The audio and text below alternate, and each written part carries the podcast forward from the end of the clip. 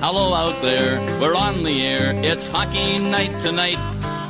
Tension grows, the whistle blows, and the puck goes down the ice. The goalie jumps and the players bump, and the fans all go insane. Someone roars, Bobby scores at the good old hockey game. Oh, the good old hockey game is the best game you can name. Hallå, hallå, hallå, hallå, hallå, hallå, hallå, hallå. Yes, hallå på er och välkomna till NHL-podcasten med eh, Jonathan Onskan Mowgli Ekeliv eh, som vanligt i Stockholm och eh, jag då eh, Per Baloo Bjurman också som vanligt i New York. Eh, det är dags för eh, avsnitt 208. Vi gjorde ju ett litet extra avsnitt här om dagen bara Ja, i helgen. Eh, men det räknar vi inte eh, in i vår vanliga kronologi då, har Nej. du bestämt. Nej, det är du som inte. är kronologiskt eh, anal. Ja, jag är den enda som producerar eller alternativt lyssnar på podden som bryr mig om att det är avsnitt 208. Så där. Men specialavsnitt räknas inte. Du, vill- du vill inte räkna in specialavsnitten när vi pratar Nej. om allt stort som hände förra veckan? Här pratar vi med Erik Karlsson, blir tradad och Henrik Zetterberg lägger av. Det räknas inte till ordinarie avsnitt. Nej. Ja, Okej, okej. Ja, Ja, så är det. det är bra att vi har eh, en arkivarie att, lyssna på. Ja. Ja, nej, men så det här är också då eh, del tre i vår stora säsongspreview. Där vi går ju igenom var och ett av lagen division för division. eh, Och vi är alltså framme vid, vi är inne i västra konferensen nu och framme vid Central Division. Den enda division som fortfarande har eh, bara sju lag eftersom det är lite ojämnt antal lag i, i, i ligan. Men det kommer ju snart att, att korrigeras eftersom eh, det, är ju helt klart att eh, Seattle blir expansionslag. City Hall i, Seattle har tagit beslut om det byggs, renoveras arenan för hur mycket som helst och så. Eller om det byggs ny eller hur det var. Ja, det är Key, Key, Key Arena, eller heter den, som ska, som ska rustas upp då för massor med miljarder, höll jag på att säga, men miljoner i alla fall. Eh, Ja, Så, och då är det kanske det skulle varit eh, Arizona vi skulle inlett eh, dagens Central Pod med, men det kommer vi ju inte göra sedermera. jag skulle säga det. Det blir väl de då som får flytta över till Central. Exakt, och det tror jag inte Central lag... Ja, det får vi se. Vi ska ju prata Arizona nästa vecka, men de har ju lite på uppgång. Men ett lag som inte haft det så roligt under sin klubbs historia som skulle flyttas över till den här stentuffa divisionen vi ska prata om idag. Ja, nej, men eh, det- är mest logiskt, även om det för dem inte, inte kommer kännas så logiskt att vara ett central-lag när de ligger så långt västerut geografiskt. Exakt, och har liksom, kan åka bil i princip till eh, Vegas och till eh, Los Angeles och sådär. Ja, precis. Men eh, det är ju ändå mer logiskt än att flytta på Calgary. Det går inte heller. Nej, det blir konstigt att flytta Calgary när de precis från Edmonton och Vancouver. Det blir också... Ja, det blir skevt lite hur de gör, men det, allt pekar ju på att det blir Arizona. Ja, det var detsamma. Ja. Innan vi kommer in på vår preview då så ska vi väl bara nämna att nu är ju försäsongen igång på riktigt. Eh, ja, ja, som sagt, vi, Erik Karlsson och Zäta och allt eh, omtumlande som hände förra veckan, det har vi redan avhandlat. Och missar ni det så gå tillbaka och kolla på extra avsnittet från i, från i helgen. Ja, nu konstaterar vi att, att eh, försäsongen har brakat igång ordentligt och det spelas träningsmatcher eh, varje, varje kväll. Ja, det är till och med så att de ska spela i Kina här ungefär nu samtidigt som att vi spelar in den här podden. Ja, de har spännande matcher. Calgary och Boston är ju där med, med delar av sin, eh, sina trupp, sin trupp. De har ju- Exakt. är split squads. Ja, vissa spelar kvar här i i Nordamerika medan ena sidan av truppen är där borta i Kina och ska promota NHL och Bettman har varit ute och sagt att det kan till och med bli regular season-matcher där borta. eh, Vad det lider, vad man nu tycker om det. Men så, så, är, så är det i Då alla ska, fall. då ska jag åka med. Då åker du till Beijing. Jag har aldrig varit i Kina så det skulle vara fantastiskt spännande. Ja, det är lite annan eh, typ av publik där kan jag tänka mig. Ja, ja det vet man ju ingenting om. Men, men synd om de här split squadsen som var kvar hemma, vad taskigt. Nu drar vi till Kina, ni får stanna här i Calgary. Lite, lite tråkigt för den får man säga. Ja, det, ikväll spela in det här så småningom så ska jag på, på min egen säsongspremiär på Garden. Eh, Jaså? Det är Rangers eh, Flyers, första matchen på Garden för säsongen. Det ska bli väldigt eh, angenämt. Du, det förstår jag. Då, då har du, du, exakt med tanke på att eh, du var så noga med att poängtera att du aldrig har tagit off-season från Garden så tidigt som förra säsongen. Då tog det slut redan i början av april. Du som brukar Ja, sitta precis. där fram i slutet av maj och till och med i juni har det varit. Ja. ja, det var länge sedan jag var där nu. Det har du verkligen, det har jag inte ens tänkt på, men det är ju jättelänge sedan. Halvår sedan. Ja, fem månader sedan i alla fall. Och i, i somras har jag inte varit där på några konserter heller. Så det, eh, det, blir ett kärt återseende. Det blir ju liksom som att komma tillbaka som sommarlovet. Det är ett väldigt långt sommarlov. Man hälsar på alla och, och det är så här, åh hur har du haft det och bla bla bla. Återstår att se om det kommer vara lika bortkommen i katakomberna som jag är där. Jag går ju runt där och tappar bort mig direkt och ser om det sitter i fortfarande. Hur skulle jag kunna vara det? Jag, har, det, det är som, jag är ju där jämt. Det vore otroligt tragiskt om jag gick vilse. Ja, det, är, det är ungefär som du skulle komma hem till ditt barndomshem ungefär och gå bort det. Det... Jag är inte så dement än. Nej, okej. Okay, det är du faktiskt inte. Jag inte. Det, det är sant. Uh, nej, men det ska bli, de har ju spelat en match redan uh, mot Devils häromkvällen. Då var jag borta. Uh, och då... Elias Andersson gjorde det väldigt bra. Ja. det verkar som att han är på... kommer att ta en plats i år. Det är väl inte helt oväntat. De har ju ett ungt eh, rebuild-lag så det ska han göra. Eh, och det tycker inte jag är så tråkigt. Om, ju fler svenskar desto bättre. Det vet ni att jag tycker här. Ja, precis. Så, eh, den eh, kanske... Förutom Bjurman som ser mycket New York-matcher naturligtvis så har vi en poddlyssnare som är väldigt aktiv på Twitter. Så Tobias Pettersson. Som är helt lyrisk över Elias Anderssons första match och hur hans kamp såg ut och så här. Att, eh, mm. han, han hävdar ju att eh, att Elias Andersson är bättre än till exempel Casey Mittelstadt som är den kanske mest hypade forwarden inför den här säsongen. Eh, ja. Av rookies. Så att, eh, vi får se om det är så stora växlar vi ska dra av Elias Anderssons första match här. Men ändå, han har börjat bra. Mm. Fredrik Claesson, eller Claesson som de här säger här, spelade matchen också. Eh, och gjorde det tydligen helt okej. Okay. Vi hoppas ja. på att han kan ta en plats också. Ikväll begår då eh, eh, Henrik Lundqvist och Mika Zibanejad eh, säsongspremiär också. Just det. Mm. Men vi eh, mer, eh, det, man är mest nyfiken på, jag tycker att försäsongen är lite för lång och, och det spelas för många sådana här meningslösa matcher. De är verkligen frustrerande tråkiga att titta på. Ja, ja det är sant. Det, visst, du ska dit och du är sugen nu för att du ska få komma tillbaka till MSG. Men det är som du säger, vi brukar konstatera det så här på liksom den här tiden på året. Att när de spelar halva laget ena kvällen och sen nästa dag med andra halvan laget. Det blir väldigt... Eh... Nej, grejen är ju att så, så, länge... Så fort man tar bort momentet att eh, matcherna inte betyder någonting, då blir hockey väldigt tråkigt. Eller det blir väl all idrott. Ja, men hockey som ändå är en duellsport och det är kamp och det är inställning som är helt avgörande nästan. Då, nej, det blir inte, det blir inte sevärt liksom. Nej. Nej, så det, jag tycker de kunde korta ner det här. Men åtminstone så är det ju... Eh, lite kittlande då att se rookies. Och vi har några svenskar som har eh, ja, utmärkt sig. Eh, Rasmus Dahlin var ju, gjorde en väldigt bra första match i, under rookie-campen där. Igår ja, så var det dags för första riktigt, eh, riktiga försäsongsmatchen mot de stora pojkarna.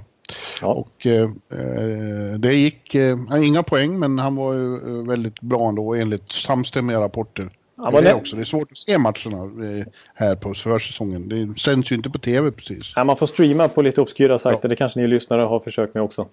Eh, men äh, jag, det, jag såg lite grann av de där Buffalo-matcherna när Dahlin debuterat som jag var uppe mitt i natten. Mitt Tampa spelade så jag var tvungen att kolla på dem. Det var inget roligt. 1-4 torsk mot Carolina på hemmaplan. Usch. Men mm. Dahlin var desto roligare. Han ser ju fin ut. Ja. Han, han, fick ju nästan en poäng för att han låg bakom ett av målen när, de, när han stod och pointade powerplay där. Och, styrde och ställde och så bra. Att han hade ju några fina finter som det hade dykt upp highlights-klipp på inte minst. Eh, ja. Och så konstaterar man, vi får se hur det blir, men de verkar ju faktiskt... Jag är ju intresserad av det och se hur, vilket, vem, vilken backkollega han ska para sig ihop med. Det verkar ju som att eh, de vill behålla Ristolainen med Scandella som i fjol. Som trots att de kom tog sist och Ristolainen har fått mycket kritik för att han inte klarat av att bära upp första backrollen. Så, så fungerade faktiskt det backparet bra förra året. Och så har jag istället Dalin då, inte med Bogosian utan med Jake McCabe. Mm. ser ut. Eh, är det det de testar just nu och faktiskt försökt med träningar och match hittills. Så, att, eh, så ser det ut att bli. Ja, det blir, de har ju ett antal träningsmatcher kvar. Gnugga in det här och sen är det premiär mot Boston den 4 oktober. Det blir väldigt spännande att se hur, hur det kommer att se ut då. Ja. ja. Men eh, han är ju ett exempel på det här. Man, man blir ju fascinerad när man ser bilder. Alltså de är så unga och kommer in med sån... De kan vara blyga utanför isen men när de kommer in på isen att de är så järva liksom. Att det bara är naturligt för dem att göra de här finterna och, och ge sig ut på de här järva soloräderna och så. Det är jävligt ja. fascinerande. Ja, för det är de två mest hypade svenska prospectsen som kommer in inför den här säsongen. Det är dels Stalin som vi precis pratade om, bara gör sin grej direkt. Men inte minst Elias Pettersson då i Vancouver. Vad håller han på med? Det är ju ja. höjdpunkt efter höjdpunkt som kommer från Vancouver. Såg du finten när han uh, gjorde bort uh, Ryan Strome? Ja, exakt. Ja, nej, det var Ryan Strome. Ryan som uh, flög bort, han försvann ju. Från eh, arenan höll jag på att säga. Ja, det såg för snöpligt ut alltså. Ja, det är sällan man ser den typen av finter, Ja. alltså att man blir så bortgjord att man liksom faller ihop och, och, och glider ur zonen ungefär. Ja, precis. Ja, vilken stjärna. Ja, och han har ju imponerat liksom hela tiden. Alltså i, dels i rookie-campen och sen nu på träningen när de har kört sina scrimmage så har de ju lagt upp hans mål där. Och, ja, och nu i första träningsmatchen också gjorde han åtminstone, visserligen bara en assist, men han eh, fick ju omdöme som kanske lagets bästa forward och sådär. Ja, och så gjorde han en bra intervju efteråt. Han pratade om, eh, någon fråga hur det kändes. Han sa, jag får lov att vara ärlig. Jag tänkte hela tiden på när jag var liten och spela, spela eh, videospel, eller Ja, datorspel. Eh, och nu är jag här, det är helt fantastiskt. Ja, det, är, för det, det där var ju hans första riktiga match också mot ett NHL-motstånd på riktigt då. Ja, Men det, ja, vi får se hur det blir med... Vi har ju liksom hoppats på, nästan utgått från att jo, Jonathan Dahlén ska få chansen också. Men vi får se. De har ju... Alltså de har, jag tror de har 14-15 spelare i Vancouver på envägskontrakt. Och, alltså, som inte de bara hur enkelt som helst kan skicka ner till AHL. Och då räknar man ju inte Besser och Pettersson och Dahlén och så här som har eh, tvåvägs rookieavtal. Så eh, Nej. vi får se. Jag tror inte Dahlén faktiskt får chansen från start. Utan, nu spelar ju till och med Pettersson inte med Dahlén utan han spelar ju med Goldobin och eh, Bertzi. Eh, Mm. innan, utan, eh, så att det verkar som de utgår från att Dahlén får fortsätta i AHL precis som han avslutade förra säsongen efter Men det- det får vi mer anledning att komma in på om en vecka. När, Ja, vi, när vi tittar på Pacific. Men de har ju då eh, Calgary hemma den tredje på opening night. Eh, det är mycket som är, vad gäller svenska rookies så är det ju eh, mycket som man är spänd på. Skulle vilja vara överallt hela tiden. Ja, Eh, Jag skulle vilja vara inom ett dygn, skulle jag vilja vara i Calgary, San Jose och, och Buffalo. Det är så blir svårt. ja, just det. Erik Karlsson ska ha en presskonferens här till exempel bara ja, kort efter att vi har spelat in den här podden också. Jaså, idag? Det Ja. har jag missat. Ja, som jag förstår ska han hålla den idag. Så att, eh, det är hans första Okej. liksom, framträdande som officiell eh, Coolt. San Jose-spelare i San Jose. Coolt. Ja, men du. Eh, sen har vi, eh, om Vegas skulle kunna eh, plockas in i den ekvationen också. För, för där har vi ju Erik Brännström gjort eh, väldigt bra intryck under två inledande eh, träningsmatcher här. Ja. Mål och assist i bägge två tror jag. Precis, han har står på 2 plus 2 efter två matcher. Ja, Eh, och de slog ju, som sagt inte bry sig om resultaten, de slog i alla fall Colorado med 5-1. Och det man kan säga i alla fall var ju att Erik Brännström fick spela mest av alla i laget. Ja, och det indikerar ju att de är väldigt sugna på att se om inte han ska vara med från början. I synnerhet nu när Nate Smith är borta. Exakt, de ger honom i alla fall chanser här nu att visa upp sig och än så länge så tar han ju dem med storm där borta i Vegas. Ja, Han, eh, ser ju, och han, precis just det där som vi har sagt nu om Dalin och Pettersson och lite i allmänhet. Alltså, de här unga spelarna bör gå in och ta för sig. Alltså Brännström kör ju, han kör ju sin grej också. En fantastisk skridskoåkare och offensiv uppsida på honom. Och det visar han liksom hela sitt register här nästan nu i de här träningsmatcherna. Han Ja. åker inte dit och fegspelar och sånt där och försöker safea utan han, han visar upp sig. Han vill ta Ja. platsen. ja enastående. Enastående. Men du, eh, ska vi ta och ge oss, eh, ge oss på? Vi har, vi har avhandlat båda East-divisionerna och vi är som sagt framme vid väst och börjar med Central. Ska vi Ja. ta och titta på det i bokstavsordning, lag för lag, eller vad Ja, säger det du? är ju som, eh, vi är ju av den eh, typen att vi går bokstav för bokstav ungefär. Så jag tycker att eh, du ska få inleda med, med ett gammalt dynastilag här. Ja, Den dynastin är väl över, det slog vi nästan fast redan i, i förra årets preview-podd. Men du får, du får ta över nu. ja, vi börjar med Chicago Blackhawks då. Jag ska nämna, jag håller ju på att skriva min eh, stora preview till bloggen och blev eh, i princip klar med den. Så nu återstår eh, eh, korrigering och så gå igenom några gånger för att se om det är något som ska ändras eh, och finputsas och så.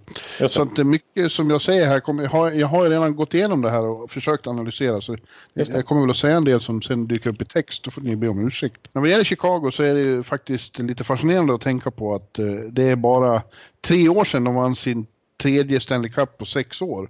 Eh, och eh, då var ju känslan så här, oj oj oj, Chicagos storhetstid kommer att pågå forever. Men eh, det har den ju inte alls gjort, utan den tog slut ganska så abrupt. Och eh, nu, är de, nu är de inte någon contender längre. De, tvärtom, de befinner sig i någon slags eh, halvmesyr till rebuild.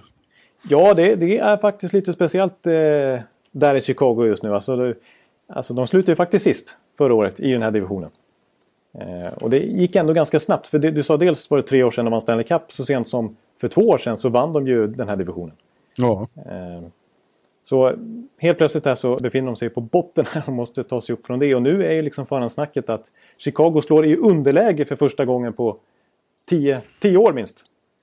Ja, eh, grejen är ju att det, det, det, finns liksom två, två vad ska man säga, de är lite konstig situation i laget. De har en core som de håller fast vid väldigt hårt.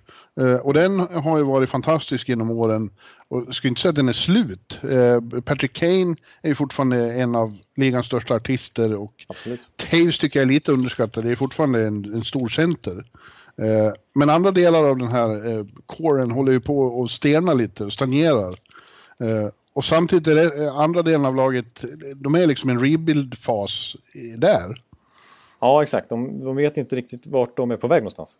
Nej, eh. och det, det ska väl lite mot här, den här eh, ålders, lätt ålderstigna kärnan och eh, alla de här nya unga som är på väg uppåt. Och det blir liksom ingen riktig process av det. Ja, det är ganska stort glapp där mellan de här ja, otroligt eh, tydliga kärnan och den nya spelarna som precis har kommit in. Eh, ja. det, det, håller jag med om. Och samtidigt, jag tyckte det var en ganska intressant sak som Mark Lazarus på The Athletic som ju eh, Lazarus. Lazarus, jag säger Lazarus hela tiden. Ungefär som jag säger han har, precis, han, har, varit på Chicago Sun-Times i alla år och har ja. precis gått över till Athletic. Exakt. Som um, alla gör. De har ju så mycket skribenter som man, man blir alltså yr i huvudet. Ja, det var någon som skrev, skrev det också förut att när Karlsson, när trade, eh, liksom, ryktena gick som mest så var det någon som sa till slut att han går väl till The Athletic. Det är, alla, det, det är väl dit Karlsson ska till slut. Väldigt roligt, ja. ja. Men, eh, nej, men eh, Lazarus i alla fall på The Athletic numera. Han var inne lite på det liksom, för han tycker, när han kollar på den här kärnan och vart de befinner sig. Visst, de har stelnat lite grann och en sån som Seabrook är inte alls vad han var. Och även Taves är ju inte den här poängproducenten som man kanske måste vara om man tjänar 10 miljoner per år.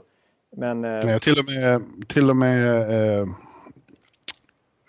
Duncan Keith hade ingen bra säsong i fjol. Nej, men han hade otur också. Det sjuka är att han sköt alltså fler skott än William Karlsson. Men han gjorde bara två mål. Han hade ju som fruktansvärd... Eh, han var ju så fruktansvärt snake bit som man brukar säga. Mm. Alltså han fick ju inte till det. Ja. Men eh, alltså, så, så kollar han samtidigt på det här lag som Karlsson precis har gått till. Alltså San Jose. Och så kollar på åldern på deras kärna. Så ser han ju att Ja, men där är Thornton eh, är 39 om man nu räknar, ja, men han räknas fortfarande till deras core. Och så Pavelski 34, Burns 33, Vlasis 31. Och så kollar han på Chicagos core liksom. Keith 35, Seabrook 33, Taves 30, Kane 29. Det är inte så stor skillnad, ungefär samma kärna. Men det som han kom fram till är väl att Dels har de ju tappat lite på senare år, men också kanske det beror på att det till slut har börjat infinna sig en liten mättnad Alltså om man tittar på San Jose så nu, nu tar de in Karlsson för att det här laget verkligen vill vinna Stanley Cup innan Thornton måste sluta och innan Burns och Blasic och Pavelski blir för mm. gamla. De har ju fortfarande hungern kvar medan ah, det, det kanske är så att Seabrook inte har brunnit lika mycket på somrarna här för att hålla sig i form. Och Keith och Taves och de har sina pengar klara och allt det där. De har en trippel Stanley Cup-ringar och sådär. Så det kan, alltså de är egentligen kanske inte så gamla men de, de har inte den här riktiga hungern längre. Nej, men om just de två ska, ska jämföra så är det också så att Blackhawks har en lite besvärligare cap-situation på grund ja. av alla stora kontrakt på de här kärnan. Så de kan inte ta in någon Erik Karlsson, de får ta in eh, Chris Kunitz. Ja, Precis. Vilket på något vis är lite signifikativt. Ja, exakt. För det är bara att kolla på eh, jämföra nyförvärven. Då är alltså, man kan ju lägga till att San Jose, man kan nästan räkna Evander Kane som ett nyförvärv också. Ja. Eh, och så ser man här på att det är Chris Kunitz och det är Brandon Manning och det är Cam Ward och den typen av veteraner som det inte direkt var någon huggsexa om att få tag i. Nej. Eh, Samtidigt skulle man ju kunna påstå att eh, Blackhawks har det bättre förspänt vad gäller eh, återväxt och att det kommer fler intressanta unga spelare där än i San Jose. Ja, alltså, ja, det kan man säga. För det tycker jag att de ändå skött bra. Där ska Stan Bowman ha cred. För annars har han fått rätt mycket skit senaste åren för Hjalmarsson-traden för att han skeppar iväg Panarin och de här stora mm. kontrakten han har skrivit. Eh, men han har ändå, Chicago har ändå en plan för hur de ska förse sin kärna med nya komplementspelare och att de har att, alltså, att de har många unga spelare på gång. och Att de är ute och fiskar på lite oanade marknader. De plockar en eh, spelare från Hockeyallsvenskan och från KHL och från tjeckiska ligan och sådär. Eh, tyska, dominikation från tyska ligan har de testat här på campen till exempel. De försöker göra fynd och sådär. Eh, mm. Och en sån som Victor Ejdsell som ju vann poängligan i Hockeyallsvenskan för ett par år sedan. Eh, mm. Han kan ju få chansen eh, i år, Victor Ejdsell. Alltså från Hockeyallsvenskan helt plötsligt upp i Chicago. Ja, men de, jag menar, de har ju också odlat en del eh, egna, eller som, som väldigt unga, han, din favorit Alex. Eh, The Brinket. Ja. ja. Eh, och Nick Schmaltz är väl också en sån ja, kille? Ja, och han kommer nog... Alltså jag, man ska nog inte... När man pratar om Chicago att de förmodligen kommer sist i den divisionen som många tippar så... så ska, alltså, Schmaltz och Brinket och de här, det, det är ändå en del spännande unga talanger. Ja, men det är, vi kommer, jag kommer helt tillbaka till det. Det är något, det är något lite uh, skevt i, i den där dynamiken där mellan det gamla och det nya. Som du uttryckte det, är lite för stort glapp ja. eh, emellan där. Samtidigt en, en positiv detalj för dem är ju att det verkar som att Corey Crawford uh, är i det närmaste fit for fight igen och kan starta säsongen och det gör ju stor skillnad. Ja, det skulle jag nästan säga avgörande på hur deras säsong ska utveckla sig. För spelar, inte, spelar han inte, då tror jag att de kommer sist. Spelar han, men för, förra året såg vi att de höll sig flytande väldigt länge med honom frisk. De var ju på slutspelsplats mm. eh, av och till då. Ja. ja, men sen var han borta. Men då hade de ganska dåligt förspänt vad gällde eh, backups också. Nu har de då tagit in Ken Ward eh, i den rollen. Och, och ja, han ska inte vara någon första målis längre, men det, det är åtminstone lite, lite stabilare än vad det var i fjol. Ja, förra året så... var det ju så illa att de till och med fick använda den här revisorn som backup ja, just det. Just det, just det. Ja, så, och, och mitt i alltihop, men ja, och det, det är ju det är positivt om Crawford, men man vet ju aldrig. Han har ju problem med hälsan. Ja, för, för i somras lät det jättedåligt. Då var det liksom snack om att det här är... Alltså, han har, han har fortfarande problem. Det har gått eh, över ett halvår. Mm. Alltså, ska han... Är till och med hans karriär i fara. Så, så lät tongångarna då. Så att vi, vi kan inte bara räkna med att han ska vara frisk hela säsongen. Nej, det är väldigt tråkigt för han är ju faktiskt en av ligans bästa målvakter. Länge underskattad, men på senare ja. år har han väl fått den cred han ska ha. Ja, nu till slut så, så börjar man ju... Alltså börjar han få den erkännandet som liksom topp... Elitmålvakt ja. till och med, inte bara toppmålvakt. Mm. Ja, sen är det intressant att de fortsätter med... Eh, de har en förkärlek för sådana som har varit där förut. Alltså, förra året tog de tillbaks Patrick Sharp. Eh, nu har efter... Och Brandon Saad inte minst. Ja, Brandon Saad, precis. Och nu efter några eh, turer hit och dit så har ju Marcus Kryger återvänt också. Ja. En gammal eh, Joel Quenneville-favorit. Ja. Eh, och det där är lite speciellt att de kommer säkert att traila för Hjalmarsson under säsongen också. Ja, det, är, ja. ja det, det, skulle inte förvåna med tanke på hur historiken har varit. Det. Men, eh, ja, men det, och sen, apropå Kryger då, det fortsätter vara lite och, och kanske blir det mer och mer ett, ett svenskt lag det här också. Eh, ja, verkligen. Det är otroligt många unga killar som... givna nu är väl han då och Erik Gustafsson ja. har ju varit väldigt framstående. Men där finns ju också, som du sa, Ejdsell, Gustaf ja. Forsling, Lukas Karlsson, Anton Forsberg, tredje målvakt. Ja, det är ganska, och Tim de, Södlund. Ja, de, ja, som kan spela Frölunda nu och Adam Bokvist som de draftade så tidigt i somras. Men, men också då Jeremy Colleton som har väldigt bra koll på den här svenskan efter sina år i Sverige. Eh, gjorde ett jättefint debutsäsong som eh, ny tränare i AHL. Tar dem, de har missat slutspel tre år i rad tror jag. Tar dem till semifinal direkt när han kommer dit. Eh, och han, jag pratade med honom faktiskt här i början av september. Och eh, då pratade jag lite om svenskan. Han har ju tagit över Jakob Nilsson, en, en annan hockeyallsvensk spelare som visserligen gjorde ett år i SHL nu också. Eh, men från Mora då, som Jeremy Colton kommer ifrån. Eh, han hade ju, därför hade han ju superkoll på Ejdsell då till exempel också. Eh, men eh, han, en som han framförallt ville lyfta fram. Det var en som man kanske inte trodde att han skulle prata om. Det var faktiskt Karl Dahlström. Eh, backen ja. från, eh, från ja, han är Stockholm som spelar Linköping i juniortid. Den där. Men eh, eh, han, sett, han tror att han kommer ta en plats i år och han har sett bra ut på campen. Eh, det troliga är att det blir ett tredje backpar där med Erik Gustafsson och Karl Dahlström. Eh, och han säger att Karl Dahlström, visst han är inte flashig, han sticker inte ut på något sätt och det är därför ingen pratar om honom. Men alltså han kan spela Dahlström hur mycket som helst nere i AHL för att det blir inget mål när han är inne på isen. Alltså åt, eh, i deras egna bur så att säga. Han, han, mm. han är ruggigt stabil defensiv back. Och har ja. def dessutom helt okej okay spelsinne framåt också. Så att, eh, Dahlström tror jag tar en plats från start. Spännande. Och så gör, i båset gör uh, Joel Quenville sin tionde säsong tror jag är nu i Chicago. Han är därmed den som har varit längst i samma klubb av nu aktiva coacher. Exakt. Eh, och honom hade du och jag en liten debatt om häromdagen. Du hävdar att eh, han är fortfarande en av de bästa. Jag börjar tro att det inte skulle göra något med en ny röst i Chicago. Nej, nej precis. Men ja, det är svårt att säga. Det, till slut kanske man kommer till en punkt där en tränares röst inte biter i omklädningsrummet längre. Det kan ju vara så. Så enkelt. Men samtidigt så tycker jag att han... Han är ju... Jag ser honom som en av de bästa tränarna i NHL-historien faktiskt. Oj, oj. Så bra tycker jag han har varit under egentligen lite överallt han har varit. Eh, men, eh, men och sen så baserar jag mycket på, på slutspel också där jag tycker han har varit grym i, i matchningsdueller mot andra coacher. Ett stort ja. undantag var ju den här Nashville-serien när de åkte ut med 4-0 i matcher och blev överkörda på alla plan. Ja, och det är senaste gången de var i slutspel. Det är en färskvara, coachning i NHL, ja. min vän. Uh, och han kanske ja. inte är lika bra längre. Nej, för hockeyn ska ju, den utvecklas ju år för år. Så att, uh, det kanske behövs nya idéer. Jag är ju väldigt... Har ju väldigt höga Det här att de tar in gamla spelare mm. indikerar ju att gamla favoriter, att det är han som, som uh, pushar för dem. Liksom, och vill ha dem som han gjorde succé med förut. Exakt, vi vet ju att han nästan grät och stormade ut när Hjalmarsson blev tradad. Liksom. Det var ju ja. det var en Q-spelare. Ja. ja, så jag sätter lite frågetecken för honom. Och oavsett, du sa att om Crawford kan spela så kommer de inte. Jag tror, inte bara beroende på att de, de är inte dåliga, men eh, konkurrensen i eh, i Central är ju eh, brutal. Ja, ja, och de, de, andra är på väg åt eh, rätt håll, Chicago lite åt fel. Ja, så du, du, du, eh, du bankar fast dem utanför slutspelet? Ja, jag tror de kommer sjua i Central faktiskt. Ja. Och jag säger så här, då, om Crawford inte spelar mer än 80 procent av säsongen, vilket är ganska svårt att säga om man kommer göra det. Eh, om man kunde vara tillgänglig så, så stor del. Eh, men om, om det blir mindre än så, då tror jag också att de kommer sist. Men kan han hålla sig frisk en hel säsong här nu, eh, då, då, då tror jag att, de har, att han kommer hjälpa dem så pass mycket.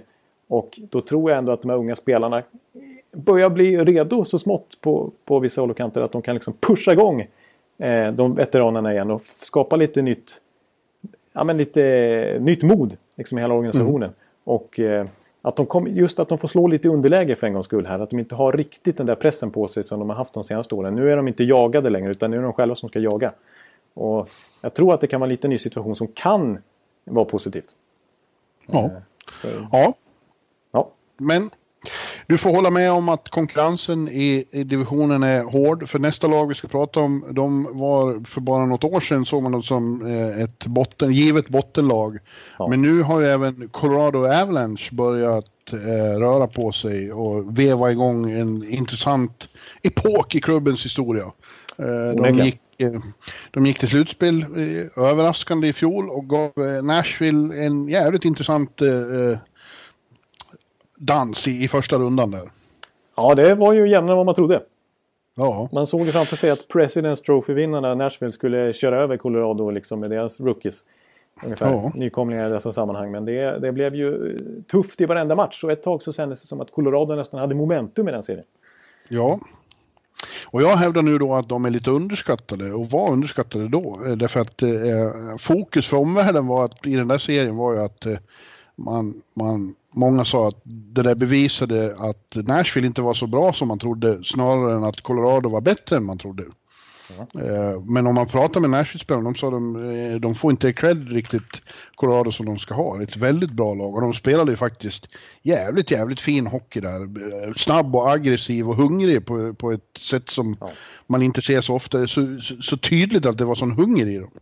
Nej, precis.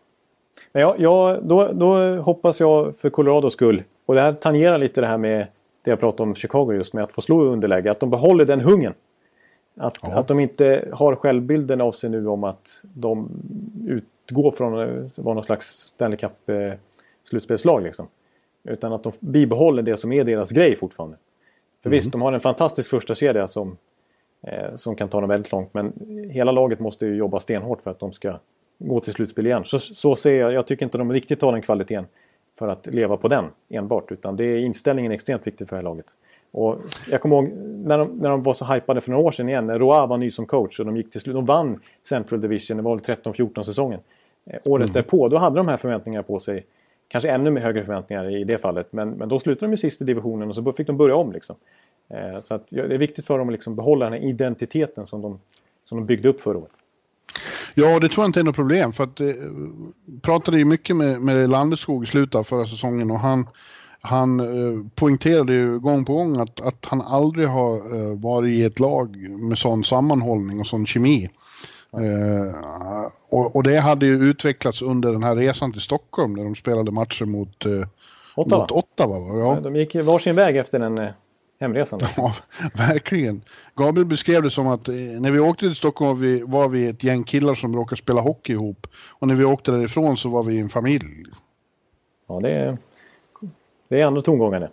Ja, han sa att det, han aldrig varit med om att alla liksom när de lämnar rinken så håller alla ihop som ett kompisgäng eh, utanför rinken på ett sätt han inte har varit med om förut. Och det där tror jag ja, det är bra. Eh, kan vara en väldigt viktig aspekt. Liksom, vad man kan göra tillsammans när man känner så starkt för varandra. Ja. Ja, Nej, och, och jag, jag, håller med om det och kvalitetsmässigt så tycker jag att truppen ser bättre ut faktiskt än i fjol också. Alltså, eh, ja, det är ju fortfarande så att de är extremt, som du, som du nämnde där, beroende av sin första kedja och den första kedjan i sig eh, i sin tur är extremt beroende av eh, Nathan McKinnon och hela laget är ju det. Han, han fick ju sitt slutliga genombrott i fjol och, och det var ju som att han blommade ut när, när Matt Duchene försvann. Ja, det var som att eh, han hade levt i hans skugga lite grann. För att, förut kom jag ihåg att de hade en sån tydlig... Det var därför Ryan O'Reilly fick lämna en gång i tiden. För att han ville ha högre lön än Duchene. Men Duchene skulle av någon anledning vara liksom nummer ett. Ja. Det var hans lag att ja. ta över från eh, typ eh, Joe Sakic och de här tider, åren liksom. Och Paul Stastny i dessförinnan. Och så det var, då var det Matt Duchene som skulle leda laget framåt. Eh, men han försvann, det är som du säger. Då blev, då, det var från den punkten egentligen som, som McKinnon bara exploderade på en vecka ungefär. Ja, och sen var ju alltså eh, på, på, goda grunder med i, i Hart Trophy-diskussionen. Ja, han hade ju lika gärna kunnat vunnit nästan. Ja, det var ju, det var ju väldigt likt. Eh, han och Taylor Hall hade ju liknande säsonger och betydde lika mycket för sina lag och var, var sådana otroliga eh, centralgestalter i sina lag. Ja, ja precis. Jag, jag, och jag tror att anledningen till att Taylor Hall till slut vann ändå det var för att eh, eh, McKinnon hade ju trots allt även Rantanen och Landeskog i sin kedja. För, mm. Alltså visst, Rantanen skulle inte gjort lika mycket poäng om man spelar med Carl Söderberg i, till exempel, eller någon annan av centrarna där. Men, men eh, han kom ju ändå upp i 84 poäng jämfört med, med New Jersey där Nico Hischer var tvåa på 52 poäng. Ja, att, eh... ja visst. Men jag, jag, tror också det där är en styrka. Så det är några lag som har sådana här eh, riktigt, riktigt inarbetade kedjor som det aldrig är något snack om vilka som ska spela ihop i första kedjan. Ja. Och, och de är ju en där med Landeskog och McKinnon och, och Rantanen. Vi har Boston, vi har Nashville eh, och eh, ja, Tampa får man väl också säga. Ja. Eh, med JT Miller har ersatt eh, Namestnikov. Ja. Eh, och det, det, jag tror att det där är, är en styrka att ha liksom. Ja, man, man, behöver ju secondary scoring förstås, men man måste ha en go-to-kedja som ska kliva ja. fram när det, när det låser sig. Ja, och som får spela ihop i flera år, för då lär de sig, de lär ju verkligen känna varandra. Liksom. Ja, ja jag, håller ju helt med om det också. Jag gillar ju gillar att etablera en kedja. Mm. Sen på pappret då så ser det ju, eh, längre ner i hierarkin ser det ju inte lika imponerande ut. Eh, inte på backsidan heller, men, men de har gjort ett lag av det. Och eh, det det är i stort det har inte hänt jättemycket i truppen under, under vintern heller.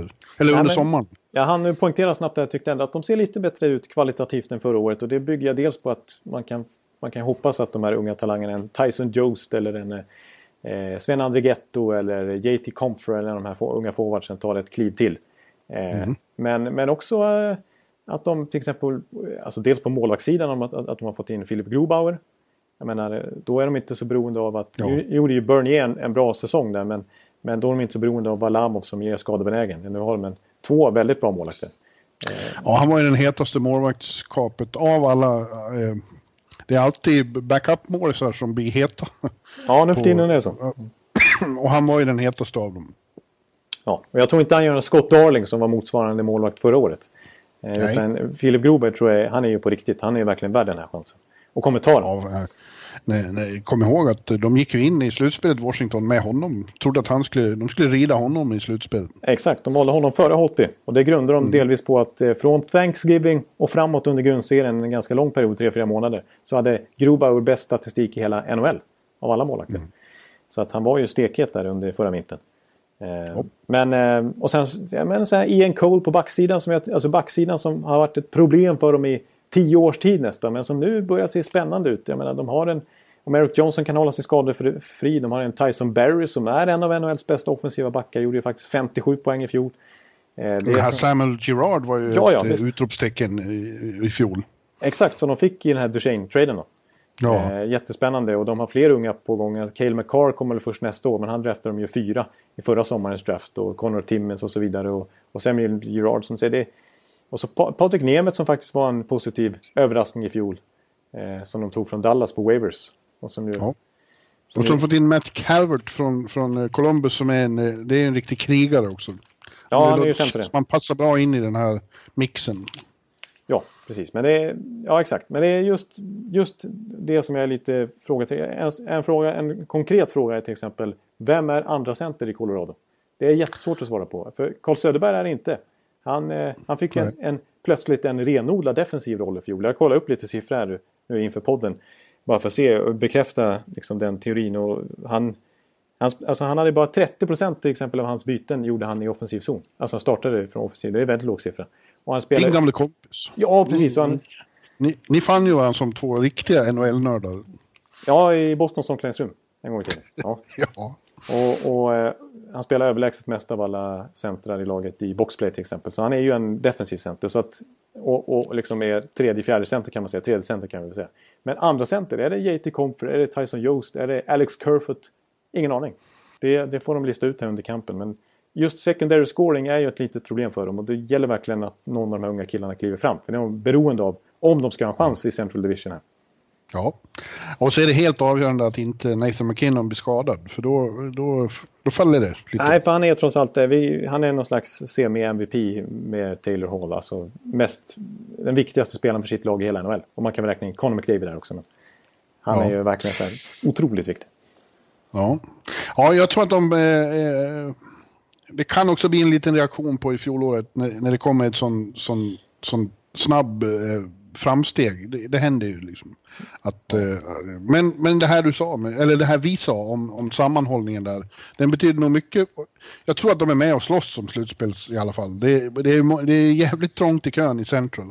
Men de är ett av lagen som, som uh, kämpar om att komma ja. på rätt sida strecket. Jag tror det också. Och jag jämför med situationen 13-14. Det är inte riktigt likt ändå. För det är fortfarande så att, att folk pratar om Colorado som ett lag utanför slutspel inför den här säsongen.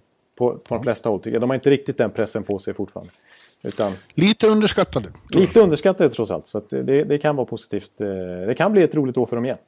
Och, ja. och så får de ju hoppas på, vi ska inte glömma bort det, just som jag poängterade i tidigare podden. Men då, alltså just det faktum att de kanske får in en Jack Hughes nästa år också. Jag menar, ja, jo, ja, just det. Jag skulle säga det. Ja. Det, det är kanske bästa för hela eh, eh, organisationen. De behöver inte komma sist och kan ändå vinna draftlotteriet. Exakt. Thanks to Ottawa Senators. Ja, så att den här Duchene-traden som ja, vi höll på att jämra oss lite för in, innan den gjordes. Vi tyckte vad håller Sakic på med som väntar och väntar och väntar och så släpper det in i säsongen. Oj, oj, oj. Och så slutade det så här. Fruktansvärt bra för Colorado. Det, ja. det får man ju lyfta på hatten lite grann. Det hade han, var han ju tålmodig och gjorde, gjorde en bra trade. Den gode. Ja. Gamla kaptenen. Ja. Nästa lag vi tittar på var det tvärtom med i fjol. De var en stor, stor besvikelse för mig. Kanske största besvikelsen av dem alla. För jag, om jag inte minns fel så hade jag dem i final mot Pittsburgh förra året. Det, och det är då Dallas Stars som jag tyckte ja. hade allt på plats för en riktigt lång run. Och mm. var ju med eh, bra länge också men sen hade en total kollaps under våren när de förlorade åtta matcher i rad och eh, till slut missade slutspel helt och hållet. Trots ja. alla dessa eh, komponenter de har som ser, ser mästerliga ut. Det tycker jag var mycket, mycket deppigt. Ja. Och det konstigaste av allt är att det var ju så att deras bästa spelare fortsatte vara bra hela tiden. Alltså ja. Kingberg, eh, Ben, Seguin, Rad Radulov, de spelade bra men resten föll ihop på ett underligt sätt. Eh, och, och, det är särskilt underligt med tanke på att det var Ken Hitchcock som var tränare och brukar vara bra på att hålla ihop lag. Ja, Ja, och, men just på grund av att det var Ken Hitchcock kanske det blev så. För att det var många spelare i, som skulle provide, liksom, som skulle stå för den här secondary scoringen som inte... Som, som kvävdes under Hitchcock den här gången. Eh, I det här ja. fallet. Det var ju en Jason Spetsa till exempel som såg ut att vara 70 år helt plötsligt. Alltså... Ja, men han var ju... Hitchcock tyckte helt enkelt inte om honom. Nej, precis. Men det var... Alltså... Ja, men det en Radek Faxa, en Martin Hansal som de tog in. Eh, mm. De här Brett Ritchie och Devin Shore och sen som såg bra ut året innan. Och vi trodde ännu mer på Mattias Janmark kanske. Eh, som såg så jättefin ut när han kom på VM sen. Och liksom fick släppas mm. lös lite grann. Ja. Eh, så att, ja, jag tror att de har den där secondary scoring i laget. Men att det var just Hitchcock som höll tillbaka dem. Medan han å andra sidan, vilket var positivt för dem, han gjorde att Klingberg utvecklade sitt spel defensivt. Vilket ju Klingberg har varit noga med, eller poängterat så här. Också att mm. han tyckte att han tog stora kliv i fjol eh, som tvåvägsspelare. Och en eh, Tyler Seguin fick ju mycket beröm för att han utvecklade sitt spel också. Hitchcock sa att han har mognat som center och nu, nu är han liksom ingen liability att slänga ut i vilken situation som helst i boxplay eller vad det än är. Eh, så vissa drog ju nytta av det, toppspelarna kanske. Men, men, ja, toppspelarna. Men bakom där så var det så fick de ingenting. Nej. Och nu känns det som att, eh, ja nu har de ju en helt ny coach då. Den, den mest eftertraktade av alla college-coacherna, Jim Montgomery, kommer ja. till American Airlines Center. Eh, och eh, det är ju svårt att veta hur en sån kommer att vara. Men, men det borde, när de kommer därifrån så har de ju i allmänhet en modernare syn än vad Ken Hitchcock har på hockey. ja, ja jag, jag, tycker lite grann att det är lite typiskt NHL också det här med att man funkar inte rena så byter man till raka motsatsen. Ja. Funkar inte med Ken Hitchcock som är en av NHLs mest rutinerade coacher genom tiderna nästan. Då byter man till en helt färsk lirare. Och ja. liksom Colorado går från eh, klubblegendar som Patrick Roy till en rookie Jared Bednor. Och det, Florida, det var ju lite annat som berodde på det också. Men de går från statsgurus till liksom Bob Bogner. Mm. Så, Vad hette han? Kan vi ta det igen? Bob Bogner. Nu, nu, jag tänker aldrig säga fel igen. Nej, bra. Ja. Men, ja, eh, och eh, ja, det borde finnas potential om man kan få igång spetsar. De, alltså, tittar man på centersidan så är den ju tung liksom, med, med Faxa och Spetsa och Hansel eh, när han kommer tillbaks. Ja, ja och Seggin framförallt förstås. Eh, det, är förspänt och många bra namn och nu kommer min gamla favorit Nikushkin kommer tillbaks. Ja. Eh, de får in, eh, ja, eh, den bästa finska backen på en generation, väl? Ja, precis. Alltså jag, precis innan jag klev in i det här poddrummet på eh, Aftonbladet där jag sitter så, så pratade jag med vår vän Jarko. Eh, redigeringsgurun här på Sportbladet som är, är helt eh, besatt av finska hockeyspelare. Mm. Eh, som ju sa att jag måste poängtera att Heiskanen, Miro Heiskanen som han heter, kommer eh, överglänsa Rasmus Dahlin i år och vinna Calder Trophy. Det är inget snack om saken. oj, oj, oj, det var intressant. Ja. Men det är klart, eh, om man bara ska säga något om Heiskanen så är det klart att det är en jättespännande spelare. Vi kanske inte ska eh, ha de extrema förväntningar på honom redan nu. Han är ju fortfarande bara 19 år. Men som, som han fyllde här i somras. Men som 18-åring mm. under fjolårssäsongen så, så blev han utsedd till hela finska ligans bästa back. Han spelar mest av alla spelare i den finska ligan i snitt per match. Han tog, togs ut till OS-laget. Eh, han togs ut till VM-laget. Han eh, som 18-åring alltså. Så att det är ju en jättespeciell eh, backtalang. Den största de har fått. För vi har ju pratat om Line, Puljujärvi, Barkov, Aho, alla de här otroliga finska forwarderna som kommer fram. Men det här är ju Precis. den stora backtalangen som de har fått fram på år och dag. Kanske den bästa någonsin, vem vet? Ja, det är att säga mycket när man Ja, har men han kanske... Äh, Kimmo Timonen och så vidare. Och... Ja. Reijo Ruotsalainen och Karel Ranta. Teppo Numinen. Uh, ja, uh, men det är ju intressant för Finlands del därför att som du säger, de har ju framförallt haft en massa fantastiska... De har ju haft det bättre förspänt än Sverige på forwardsidan medan vi har haft eh, otroligt... En otrolig backgeneration. Eh, och ja. det är fantastiskt om de får fram en back också. Vilket landslag de skulle kunna ha om något år här. Ja, exakt. Precis. Det, det var ju det här de skrek efter att få. Nu, nu börjar det faktiskt se lite spännande ut på backsidan också. Med Ristolainen och Honka i Dallas också. Då. Och sådär. Ja. Har några på gång och Julevi uppe i Vancouver och sådär. Men eh, ja, jag tror, jag tror, jag tror, alltså jag tycker Heiskanen ska bli intressant att följa här och, och så backsidan där med Klingberg och med Esa Lindell, en annan finländare och så Mark Metoff om han kan hålla sig skadefri. Eh, vi har ju pratat om alla forwards nu, vi pratar om backen nu och så Ben Bishop i kassen. Alltså det är svårt att hitta en lagdel som är en svaghet. Ja, Dallas har alltid varit ett lag med, med finsk profil. Det har varit mycket finländare i Dallas genom åren. Men på målvaktssidan så är den blåvita eran nu över. Just det. Antiniemi försvann redan i fjol och nu är ju eh, eh, Lehtonen borta också. Vart han utköpt rent av? Eh, ja, blev, eh, Niemi blev ju utköpt. Jag tror Lehtonens kontrakt gick ut. Ja, okej. Okay, ja. ja. Eh, och istället har de då tagit Kudubin från Boston och det är nog en lite stabilare backup till Bishop ändå. Skadebenägne Bishop som, eh, ja, han var ju bra i fjol men inte ja. himla stormande bra. Nej, han var en uppgradering men det är just det där med problemet med Bishop är att man kan inte förvänta sig att han ska spela 60 matcher. Utan han, han erkänner själv att han är lite gummiman. gummiman och det kan mm. liksom en, han har lite för långa ben för sitt eget bästa höll jag på att säga. Det, det, han, han sträcker ut ljumskar och, och knän och sådär några gånger per säsong. Så har det ja. varit i alla fall. Så att, eh, eh, men, men Kudoben, det är lite intressant att det helt plötsligt från att det också har blivit lite halvrysk prägel här på Dallas nu.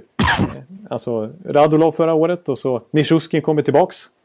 Eh, mm. Kudobin då som kommer in och så har de ju en, några prospects, en Gurianov till exempel som de hoppas kanske kan ta något kliv. Jag såg att eh, faktiskt Montgomery har lärt sig lite ryska fraser här nu för att kunna kommunicera med dem.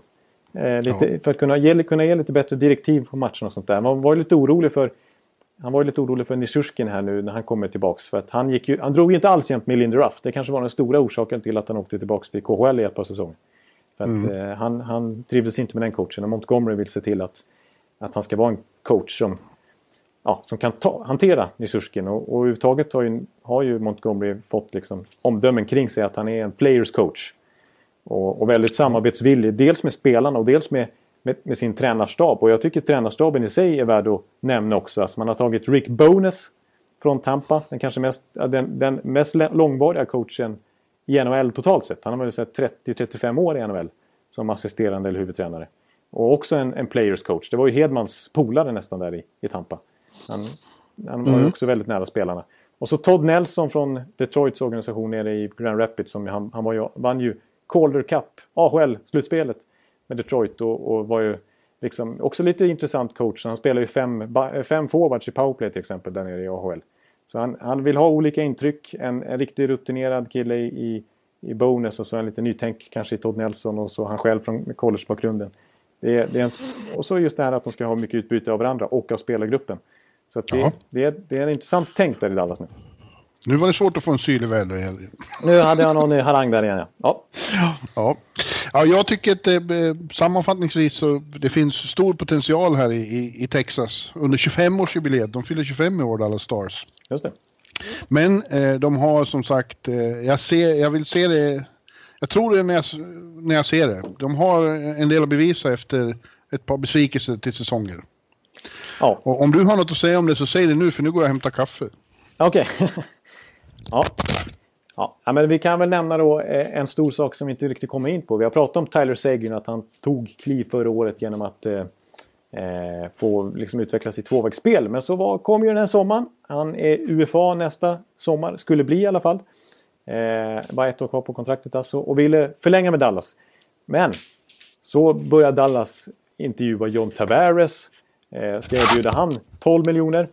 Eh, Tillbaks? Ja, Ja, jag pratar Tyler Seguin här nu och hans kontraktssituation ja. som till slut löste sig. Men jag kan förstå att han gick ut i slutet av augusti och var lite frustrerad i media och sa varför pratar inte klubben med mig? Jag vill ha ett nytt kontrakt. Det är inte ens några förhandlingar som pågår.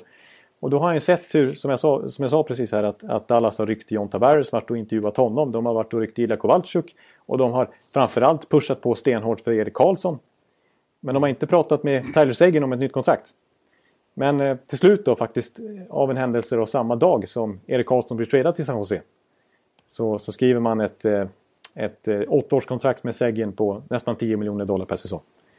Eh, och det, det, faktum att det, han skriver på det ju, kontraktet just med Dallas Stars innebär ju trots att ett antal spelare i ligan tjänar mer än så. 9,85 miljoner per säsong som det blev. En Conor McDavid eller en, eh, de här i Chicago gubbarna Taves och Kane eller eh, Kopitar och så vidare, Care Price. Så får han ut näst mest efter skatt. Så han är den spelare i NHL nu som, som får näst mest pengar. Faktiska ja, pengar. De har, de har ingen inkomstskatt i Texas nu. Nej, så han är nog nöjd med det. Faktiskt. Och, eh, det var en uh, rolig video de hade också då, med Super Mario-tema. Ja. Ja, ja det var det. When you're ready to pop the question, the last thing you want to do is second guess the ring. At BlueNile.com you can design a one-of-a-kind ring with the ease and convenience of shopping online. Choose your diamond and setting. When you find the one, you'll get it delivered right to your door. Go to Bluenile.com and use promo code LISTEN to get $50 off your purchase of $500 or more. That's code LISTEN at Bluenile.com for $50 off your purchase. Bluenile.com code LISTEN. Du, nästa lag eh, tror jag vi är lite oense om. Har det varit tidigare under vår, eller hösten här. Och det är Minnesota Wild.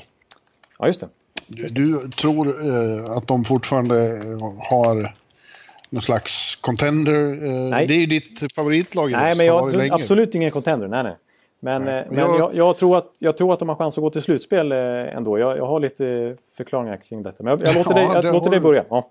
Ja, det har du säkert. Det är ingen som tvivlar på, på det, Jonathan, och tror att Nej. du inte ska ha något att säga. Nej. Eh, När var senast du inte hade någonting att säga i NHL-sammanhang? Du kände, nej det här, förstår, det här vet jag ingenting om.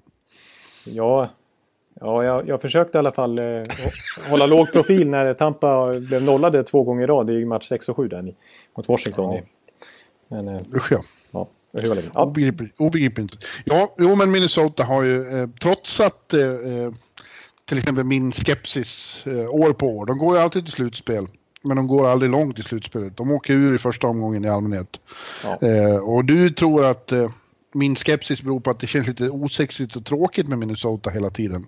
ja. Eh, men eh, nej, nu har ju klubben själv också reagerat på att eh, de gjorde en fantastisk, vällovlig satsning, värd applåder. Eh, verkligen gick all in på stora namn och så. Men, men det blev ingenting. De fick Nej. inte resultatet de önskade och jag... Nu fick ju general managern sparken. Eh, Bruce Boudreau fick stanna på nåder. Eh, Men men de har också insett att det, det här... Det har inte, vi har inte fått valuta för, för satsningen riktigt. Och jag tror att de är lite på väg åt fel håll. Eh, Ja. Om jag får säga så. De, de här namnen de har tagit in, de blir ju inte yngre. Och eh, när, när det inte har eh, gett resultat tidigare, kommer, kommer eh, jag skriver om det här, nu citerar jag nästan mig själv. Eh, kommer Zach Parise att bli mycket bättre än han är nu? Nej. Nej. Har, har eh, Ryan Suder sina bästa år framför sig? Nej. Kan Erik Stahl räkna med många säsonger till som den i fjol? Nej. Eh, Nej. Och det, de unga de har, de, det är fortfarande något år kvar innan de verkligen kan göra det här till, till sitt lag. Ja, jag, jag, jag håller helt med där. För jag ser, jag ser det som ett, ett svaghetstecken för Minnesota att Eric Stahl vinner poängligan i fjol.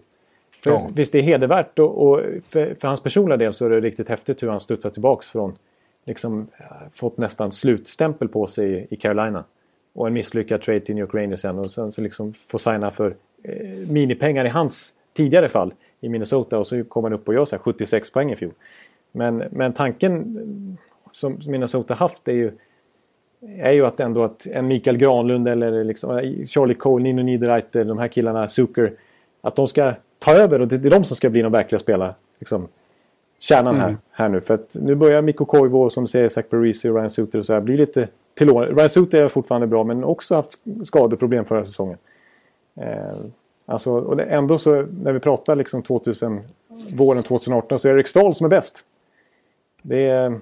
Ja, Det för nu är de, jag menar, en eh, Granlund, han är ändå 92 så då är han ju 26 år. Eh, man kan inte prata om en, en, en liksom talang som kommer tokutvecklas. Fortsätta ta jättesteg fortfarande.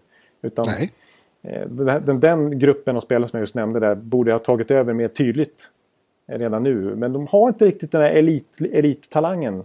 Och de som kommer bakom, Joel och Eriksson Ek och, och Jordan Greenway så här, är inte riktigt heller på den nivån att de kan gå in och konkurrera med Line och så vidare i, i de Nej. andra lagen i den här divisionen. Nej, kan de inte. Och de är inte riktigt färdiga än heller. Liksom, för riktigt avgörande stora roller. Ja, precis. De, har, de har en jättetalang och det är ju Kirill Kaprizov. Men han eh, kommer kanske aldrig komma över till NHL. För att han är ju fast där i, i KHL. Och verkar trivas i Ryssland och det är ett litet prestigeprojekt från KHLs sida att han ska stanna där också. Så att han kanske aldrig kommer till NHL. Så att, Nej. nej, Och det är inte heller som man drar efter andan. Eh, gjort under sommaren och tagit in eh, Eric Fear på, som fjärde center och Matt Hendricks och din gamla kompis JT Brown. Ja, precis. Man undrar lite Paul Fenton som kommer över och ska bygga det nya Minnesota. Och så, så blir det en Greg Patterin och som säger Fear och Hamburglar mm. Hammond kommer in här. Ja, eh, det är, ja, det är, det är ju inte... Det är inte liksom på Toronto San Jose-vis direkt de har uppgraderat truppen. Nej, precis. Och jag, men jag tror det också har lite att göra med att, precis som jag, vi var inne på Chicago, att de är lite bakbundna av sin kontraktssituation. Det är inte så lätt att bara spränga det här bygget. För det går inte att trada en Zach Parisi, det går inte att trada en Ryan Suter med de kontrakten som de sitter på. Nej. Eh, däremot är jag inne på att kanske, om, alltså, även om för jag, för jag, är, jag, du snackar om att jag har nämnt dem som ett contenderlag. Det gör jag verkligen inte längre. Jag tror att det är som du säger, de, de spelar en för tuff division så att de stöter alltid på ett Winnipeg, Nashville och tidigare var det Chicago.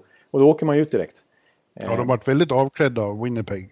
Exakt, de var ju totalt chanslösa. Och deras lag ser ju inte ja. bättre ut den här säsongen. Så att, visst, Nej. de kanske kan gå till slutspel igen, men kanske, kanske ta en wildcard-plats. Men, eh, men eh, det är inte värt det liksom. Det, jag tycker att det är bättre i så fall att kanske försöka, nu har ju de, sitter de på klausuler, men att försöka trada en Stahl och trada en Mikko Koivu, lagkapten. Alltså, de måste bygga ett nytt Wild här för att det här laget har kört fast. Ja, det är precis vad jag De har kört fast. Ja, men jag, jag, menar att de är fortfarande, det här laget är fortfarande tillräckligt bra för att vara ett mittellag i NHL. Men det räcker ju inte. Man vill ju vara ett topplag. Ja. Och då är det nästan värt att liksom, alltså, redan, redan nu börja bygga om. För ja. att, istället för att ta det senare när det ändå inte leder någon vart. Nej, och den här gången tror jag att, att, att eh, konkurrensen i divisionen är är de övermäktiga och att de inte nyper den här sista eh, slutspelsplatsen de brukar nypa för att sen bli eh, tillplattade på en gång. Ja, alltså jag, jag måste nog säga att jag Eh, lite tråkigt nog kanske med vad, hur du inledde den här diskussionen med att jag skulle försöka eh, marknadsföra dem som ett contenderlag här. Men jag är nog hoppar över på Bjurman-båten här och säger att de missar slutspel. Ja. ja. det finns också viss risk för att eh, Bruce Boudreau, om det går dåligt i början, får sparken. Och att eh, ny, ny Alltså renoveringen börjar redan där med en ny coach i, fram i november, december. Ja, inte helt omöjligt. Jag gillar, jag gillar Boudreau som fan, men, men eh, går det här dåligt nu så det är inte hans general manager kvar till exempel. Nej, det är sant. Men jag tror samtidigt också att det är en liten risk, risk här också med... Bruce Boudreau är ju en riktig grundseriemästare. Ja. Han är ju kung på att ta sina lag till slutspel, men inte göra något mer än så. Men att, att det kan uppehålla, eller vad ska jag säga, att det kan försena den här renoveringsprocessen som de är i behov av. Att, de kanske ändå, att det kanske går lite för bra i grundserien. Ja. Eh, för att, så att de inte inser att de måste bygga om för att det ändå inte leder någon vart i slutändan. Det blir ingen slutprodukt i slutspelet. Mycket slut, slut, slut här. Men, eh, det, det, det, måste vara slut med det här, Minnesota. Ja. Ja. Det... Nu kommer jag av mig. Ja, men jag det, tänkte det, en övergång här, men, men det blev ingen. Det blev ingen naturlig. Bara, nej. Nej, jag säger bara rakt ut. Nashville Predators. Snyggt. Eh, där är situationen betydligt ljusare än i Minnesota. Ja, ja, ja. Det finns ju, vi har några lag som känns som, eh, ja, de är, de är gjorda för mästerskap. De, det är dags att, att, att leverera. Och Nashville är ett av de lagen. Eh, ja.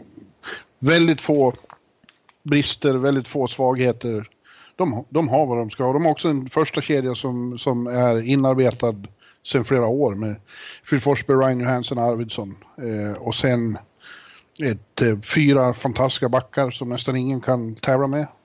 Nej. Eh, de har ja, det är bara, bara San Jose nu för tiden kanske. Ja. Och eh, målvakt, det frågetecknet är Pekarinne då. Om han, han hade en västerna säsong i fjol men, men var ju den som eh, verkligen eh,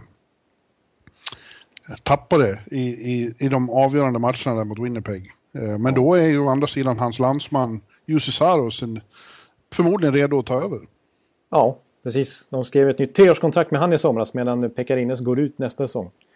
Men det känns lite som att Saros ju, om inte den här säsongen så i alla fall på sikt, är ju den han som ska ta över. Liksom. Och, ja. Ja. Nej, ja, alltså, vad, vad, kan man säga annat än att det ser fruktansvärt bra ut? Att de de är definitivt en av mina, en av, mina favoriter till, till kuppen i år igen. Ja, nu tycker jag faktiskt att det är lite... Man kan eh, utnämna lite som tredje gången gilt. Jag menar, de, de gick till final för två år sedan. Ja. de vann President's Trophy förra året. Alltså, så, Ja. Det här är tredje året som de borde vara ett riktigt, riktigt elitlag och tredje chansen nu att faktiskt ta en Stanley Cup med den här kärnan. Ja, Eh, ja. Och det är inte bara det att de har... ja, Ja, down the middle har vi alltså Ryan Johansson, Kyle Turris, Nick Bonin och Kalle Järnkrok. Det är fan inte... Eh, på pappret är det ju helt otroligt bra. ja, alltså, ja, men ska jag vara lite... Turris och Bonin var inte så bra i fjol, men om man ser det till namn, namnkunnighet så är det ju svettigt alltså. Ja. Men jag har, jag har försökt fundera kring det här, alltså hur de ska göra. Jag tror inte det går att lösa på något bättre sätt. Och de har ju verkligen försökt eh, snygga till den där centersidan, vilket de har gjort de senaste åren genom att dels trada bort Seth Jones för att få Ryan Johansson. Dels trada bort Sam Girard som ju såg så spännande ut mot Kyle Turris. I den där trevägsdealen.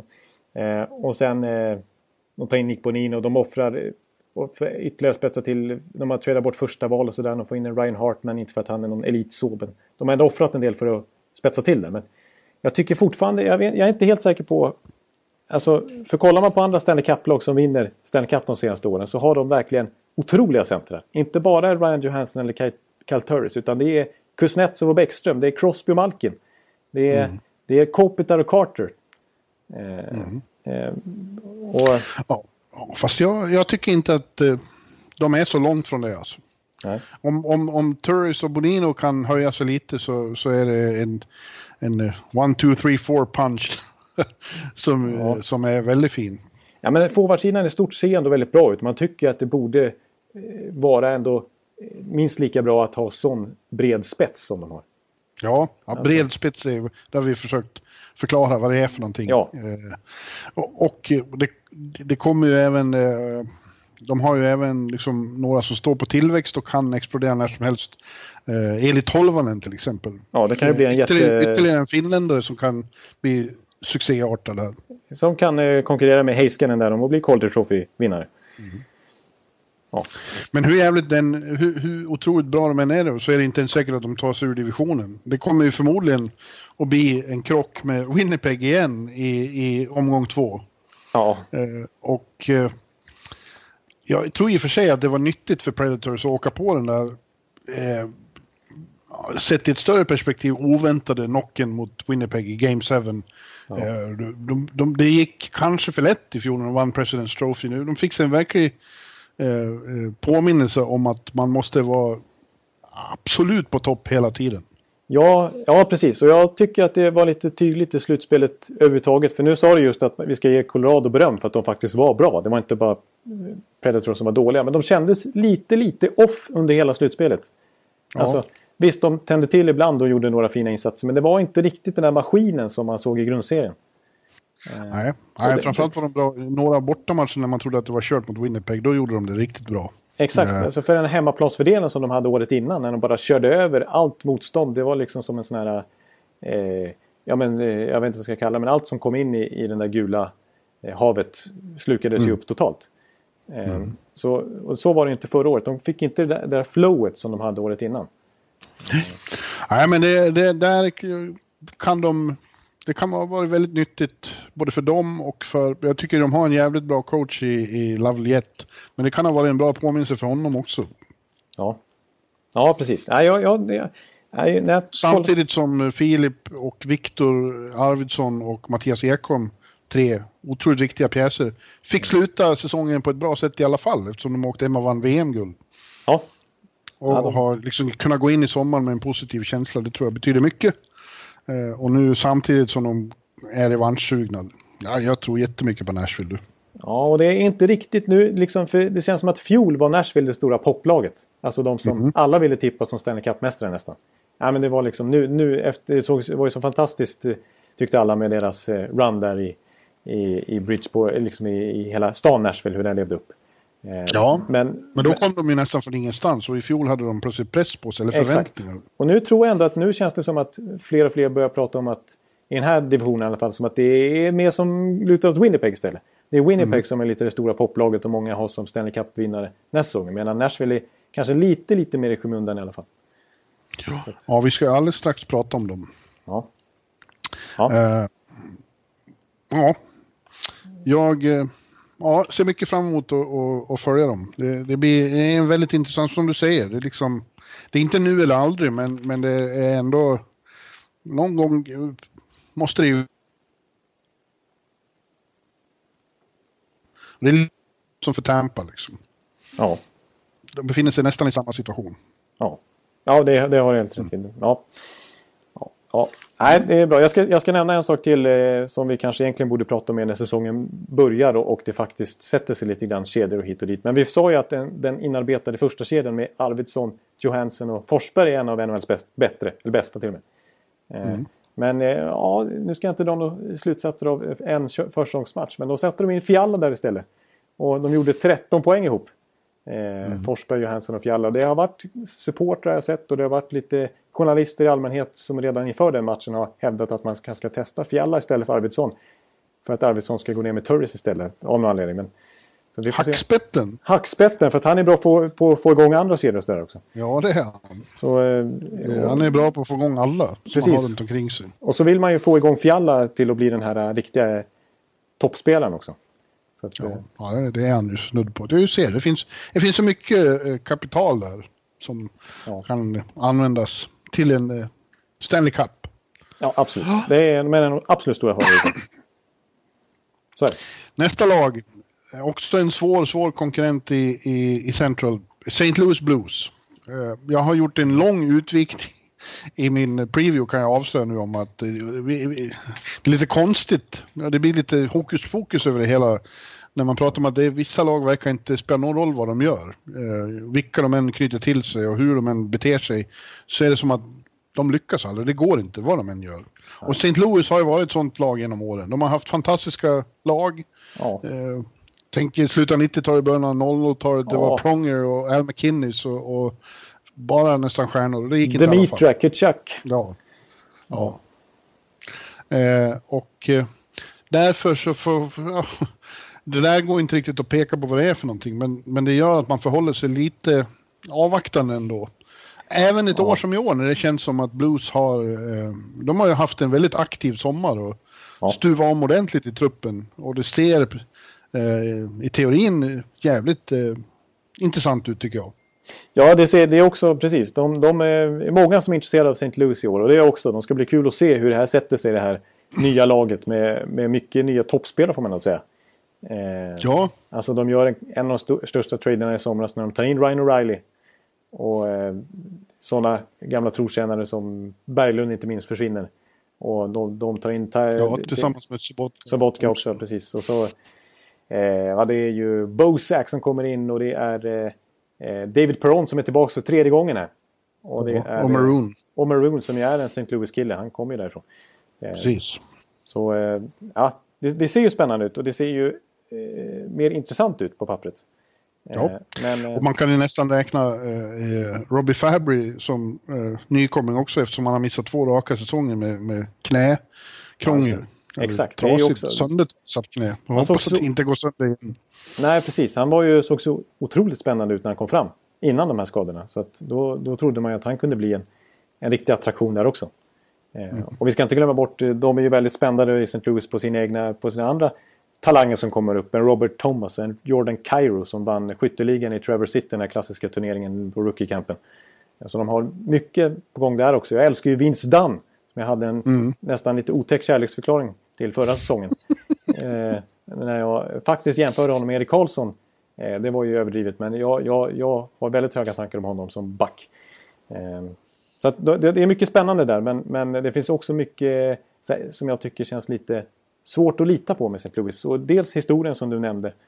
Men också spelarna i sig. Eh, mm. Om jag, det blir, ja. Ja, det, det, det, stora och intressantaste namnet är ju eh, Ryan O'Reilly då. Ja. Eh, som efter de här åren i Buffalo, det slutade med att han förra säsongen erkände att han inte tyckte det var kul med hockey längre. Så tråkigt hade det blivit i, i Buffalo. Ja. Uh, och, och, då låter ju miljöombyte som en bra sak, men, men hur är det då? uh, var befinner han sig i, i är, det roligare nu eller har han, har han tappat det? Liksom? Man vet inte. Nej. Men, uh, så här, rakt upp och ner, man ser det så är det ju en en, en riktigt tung förstärkning. Ja, som är liksom, det är ingen slump att han tas med i World Cup-trupper för Kanada i stenhård konkurrens, OS och så vidare. Han är en sån här, som coacher brukar jag gilla också. Alltså han är användbar i alla olika typer av spelformer. Boxplay. Han är, mm. snittar ju ofta 20 minuter per match trots att han är forward. Så att... Eh, ja. Men, eh, jag, jag... men det, ja, man vet inte vad man kommer få av honom. Nej, det är det jag tycker med egentligen många forwards i det här laget. Om man kollar på deras centersida som de är nöjd med, den här nya centersidan kan man säga. För Brainer Chen är ju nästan ny. Han kom ju förra året och var väldigt positiv utropstecken då. Men alla de här har haft lite så här strulig bakgrund. Alltså Braden Chen, som det är hans tredje klubb nu. Man har inte riktigt vetat om han är ytterforward eller center tidigare. Och det har varit höga toppar med djupa dalar också. Och så sen Ryan O'Reilly med hans historia som tröttnade på hockeyn förra året i princip då. Som eh, kör in i en eh, butik på fyllan och springer därifrån. Och, också ja, det var ju några år sedan. Tradas runt lite och kontraktstrul och hit och dit. Och så en, eh, en Tyler Bosak som alltid har fått kritik för att han är för dålig defensivt och sådär. Eh, det, är liksom, det är inte den här riktigt pålitliga killarna då känner jag. Och, och, så, och så kanske allra viktigaste positionen i ett lag, det är ju målvakten. Och nu, ja, jag skulle just komma till det. Jake Allen. Ja, som, eh, han var ju som bra. Som har en enorm högst, högsta nivå. Men ja. eh, svårartade problem med jämnheten och i synnerhet när det blir allvar. Ja, exakt. Alltså, förra året hade han nästan extrema eh, siffror som visar på hans eh, ojämnhet. För man kunde dra ett streck mellan varje månad. ungefär. Ena månaden så var han liksom otroliga siffror. Nästa månad katastrof. Mm. Nästa månad otroliga siffror. Nästa månad ja. under 90 procent. Men då hade han ju en Carter Hutton som... Vill... Ja. ja. Då hade han ju en Carter Hutton som klev in och storspelade däremellan. Men nu har han en Chad Johnson istället. Det... Den ultimata journeymannen de senaste åren. Han spelar nya lag varje år. ja, precis. Så eh, det, det, tycker jag inte känns eh, jättelovande för deras sida den här kommande säsongen. Att, att de, ska för, de måste förlita sig ännu mer på Jake Allen i år. Ja, men jag tror att någon gång så kommer eh, Jake Allen att förlösas och jag, jag har fortfarande förhoppningar om att han ska hitta en kontinuitet i sitt spel. Och gör han det då, då är det ändå då tror jag ändå St. Louis är bättre än vad de var i fjol. Ja.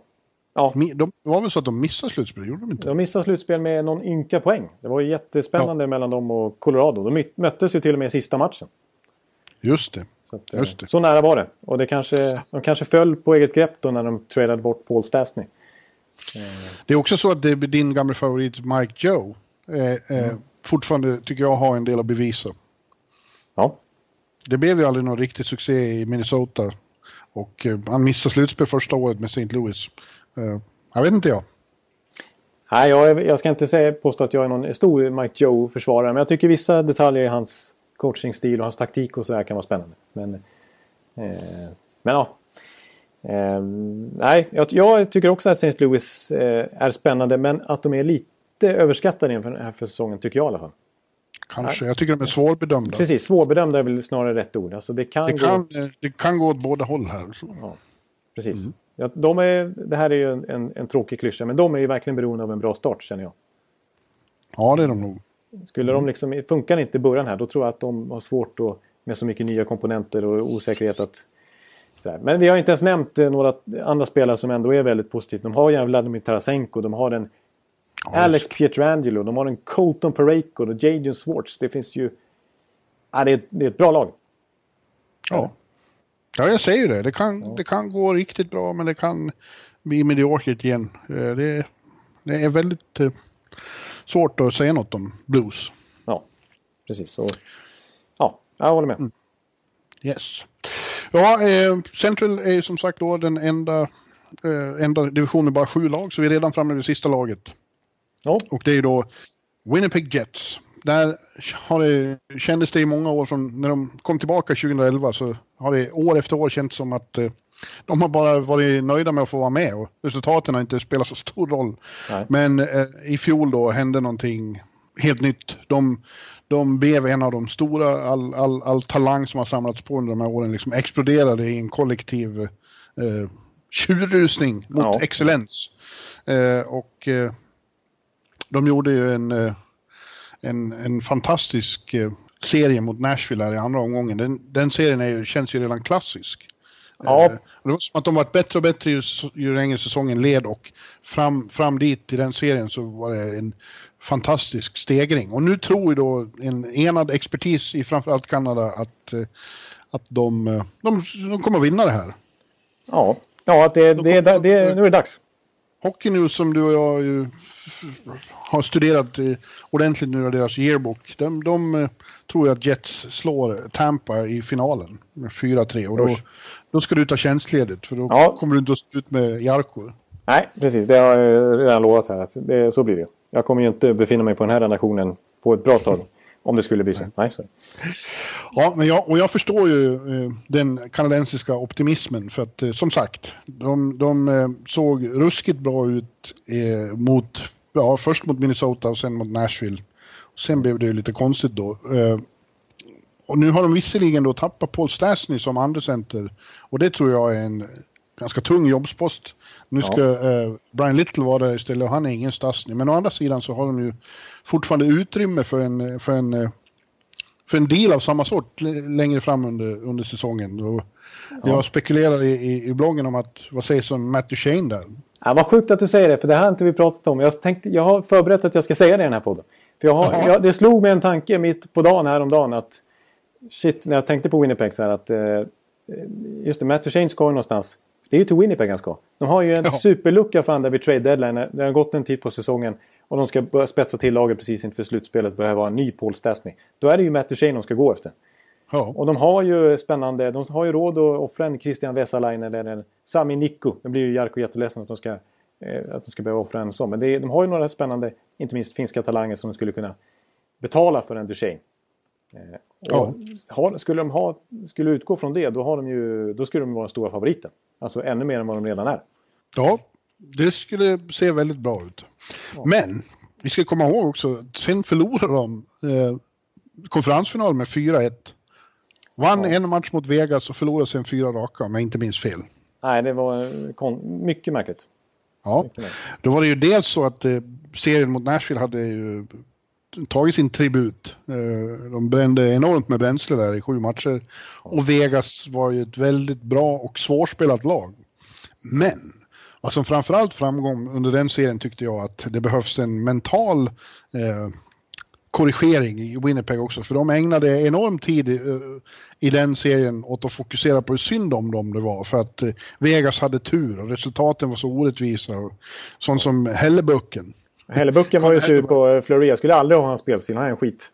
Jag spelar Ja, på han har- sättet. Han har tur. Ja, han och Scheifele och, och några av de här unga gnällde som fan på det. Och jag, det är min gamla käpphäst. Börjar man gnälla och fokusera på sådana saker, då är det kört. Så Paul Mo- Morris, vad heter han? Paul Maurice. Paul Maurice. Ja. Han eh, eh, sa det väl aldrig rent ut, men man såg på honom att han tyckte också det. Ja. Så att eh, där behöver de, eh, eh, det behöver de definitivt rätta till. Ja, det kändes som att alla pratade om Nashville-Winnipeg redan inför den serien som den moraliska finalen. Ja, Och liksom, så som den utvecklade sig så tyckte man också att det var de två bästa lagen som möttes. Och, och nu, när Winnipeg vann den, ja, då var det raka vägen till Stanley Cup. Nästan. Man tänkte att Vegas klarar de av i alla fall. Men de, de, de, de, gick, de blev för lätt frustrerade i den serien. För att det kändes som att de mentalt redan var i Stanley Cup-final. ja. De, var inte beredda på att behöva jaga på det viset som de gjorde. Nej. Så där har de något att, jobba på eh, psykologiskt. Men, men annars så snappade jag upp en sak som du sa där att eh, de har växt och sådär och att de inte längre har den här eh, identiteten och auran kring sig att de bara är nöjda med att vara med i NHL igen. För att tittar man på, på spelare för spelare, en sån som Line är ju inte direkt blyg. Och en, Nej. en Mark Scheifele går ut inför förra säsongen och säger att jag kommer ju vinna poängligan i hela NHL. Alltså Conor McDavid, Crosby, försök ni. Det är, jag, jag går ju för poängligatiteln. De har en annan... Det är en annan power i hela, bland spelare för spelare också nu. De, har, de är lite kaxiga till och med. Ja, Eh, och- ja men det, den måste man ju hantera den där kaxigheten för den slår ju det då lätt över i, i det jag just pratade om. Ja, det var ju Ja, negativt på det viset å andra sidan. Ja. Att, ja, Men Line som du nämnde tror jag kommer ha sin stora, stora, stora säsong nu. Eh, han har ju tydligen tränat hårt som fan i sommar och gått ner i vikt till och med. Ja, han har ju lagt om kosten och gått ner 6 kilo. Ja. 6 kilo Ja. tror jag. Ja. Så att, eh, jag kan glädja eh, Jarko med att med, med åsikten att Line spränger 50-vallen i, i, vinter och vinner eh, Rocket eh, Morris. Ja, Rocket Richard Trophy. Ja, faktiskt. Det tror jag. Ja, Nej, det tror jag också. Alltså, det tror jag faktiskt. Han, han, han har liksom... Han kom ändå upp i, vad blev det, 45 mål eller vad det blev förra säsongen. Eh, och det känns som att han har han har så speciell release och det känns inte som att han är lika beroende av alltså, olika lägen och sådär. Utan han kan skyffla iväg det där skottet lite var som helst liksom, och långt ifrån mål. Alltså, mm. det, det, är ju rena Ovechkin, alltså, det är verkligen Ovechkin-missil han sitter på. Mm. Eh, så att jag, ja, det är som du säger också med rapporten om att han går ner i vikt, han lagt om kosten. Han har rakat av skägget inte minst. och det har inte, han har inte växt ut igen heller utan nu ska han köra den varianten. Och han känns mer seriös och det är ju Maurice och de här gubbarna där har ju pratat om det när han kommer tillbaka nu också. Att de är nöjda med vilken fysik han befinner sig i just nu. Ja. Det, det kan ju ha varit så också att han har, han har tänkt på att eh, just i slutspel eh, så har han inte varit lika dominant. Det är, det är svårt att vara, men han har inte gjort lika mycket mål som förväntat eh, i de här serierna och att eh, han måste, ja, måste bli seriösare helt enkelt. Ja, nej, så är det. Men eh, för sista pusselbiten som var, eh, som var den stora grejen som gjorde att de tog nästa steg förra året. Det var ju att Hellebucken var så bra i kassen. Aha. Att de till slut löste den eh, positionen. Men eh, för nu tycker jag alltså...